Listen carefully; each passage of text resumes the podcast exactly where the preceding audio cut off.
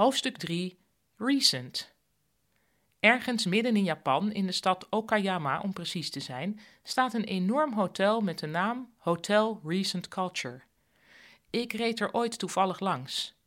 Er zijn veel redenen waarom ik van Japan hou en deze hotelnaam is er ook weer één. Waarschijnlijk is er iemand geweest die het hotel een hippe uitstraling wilde geven.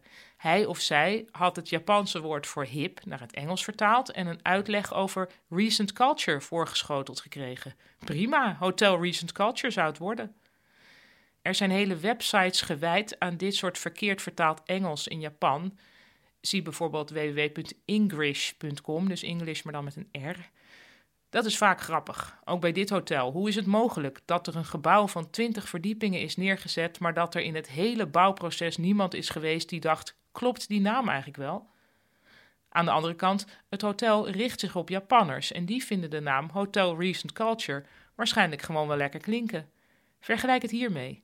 Veel Westerlingen hebben een Aziatische spirituele tatoeage die bij nadere inspectie Peking Eend betekent.